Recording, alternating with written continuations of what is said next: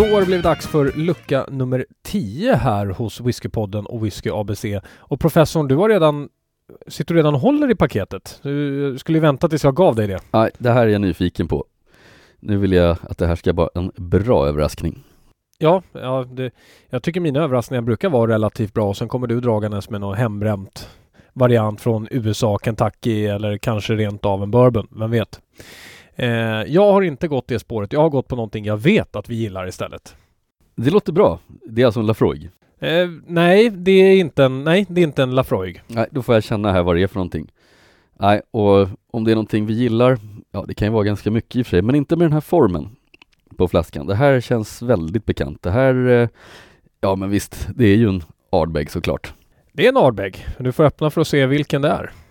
Ja, såklart. Det är lucka nummer 10. Vad skulle det vara annars om inte en Ardbeg 10? Jag tror jag förstår kopplingen själv här. Jag undrar om det här är den första riktigt solklara kopplingen vi har haft. Ja, men inte lika rolig.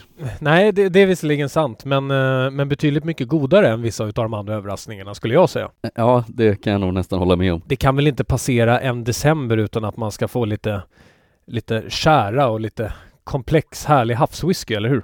Nej, faktiskt. Jag kunde ju fått vara en Lafroig, men eh, det här är, duger bra. Jag ser att du redan har hällt upp och börjat smaka. Du kan ta en till mig också. Ja, ja, om det ska vara så.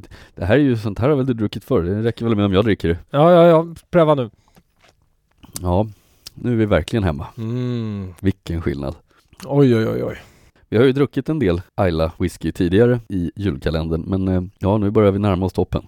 Ja, det börjar vi verkligen göra. Det är såklart det som eh, slår den här, det är ju den vi provade tidigare, McKillops Ardbeg 23 var det va? Ja, från 1993. Mm. Ja, den var ju fantastiskt bra.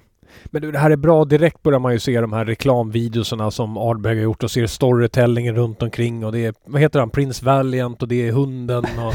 ja, det är härliga syner alltså. Ja, nej, det här är ju verkligen en av de bästa standardwhiskyna vi vet, får man säga. Ja, och det... Kanske inte någonting för eh, er som gillar mer maltig eh, whisky, men eh, ja, för rökdrickarna är det svårslaget. Ja, det är det. Och det enda jag sitter och funderar över nu, det är ju hur ska Ardbeg-hunden fira jul? Det får vi ta reda på. Ja, vi får kolla. Skål! Skål!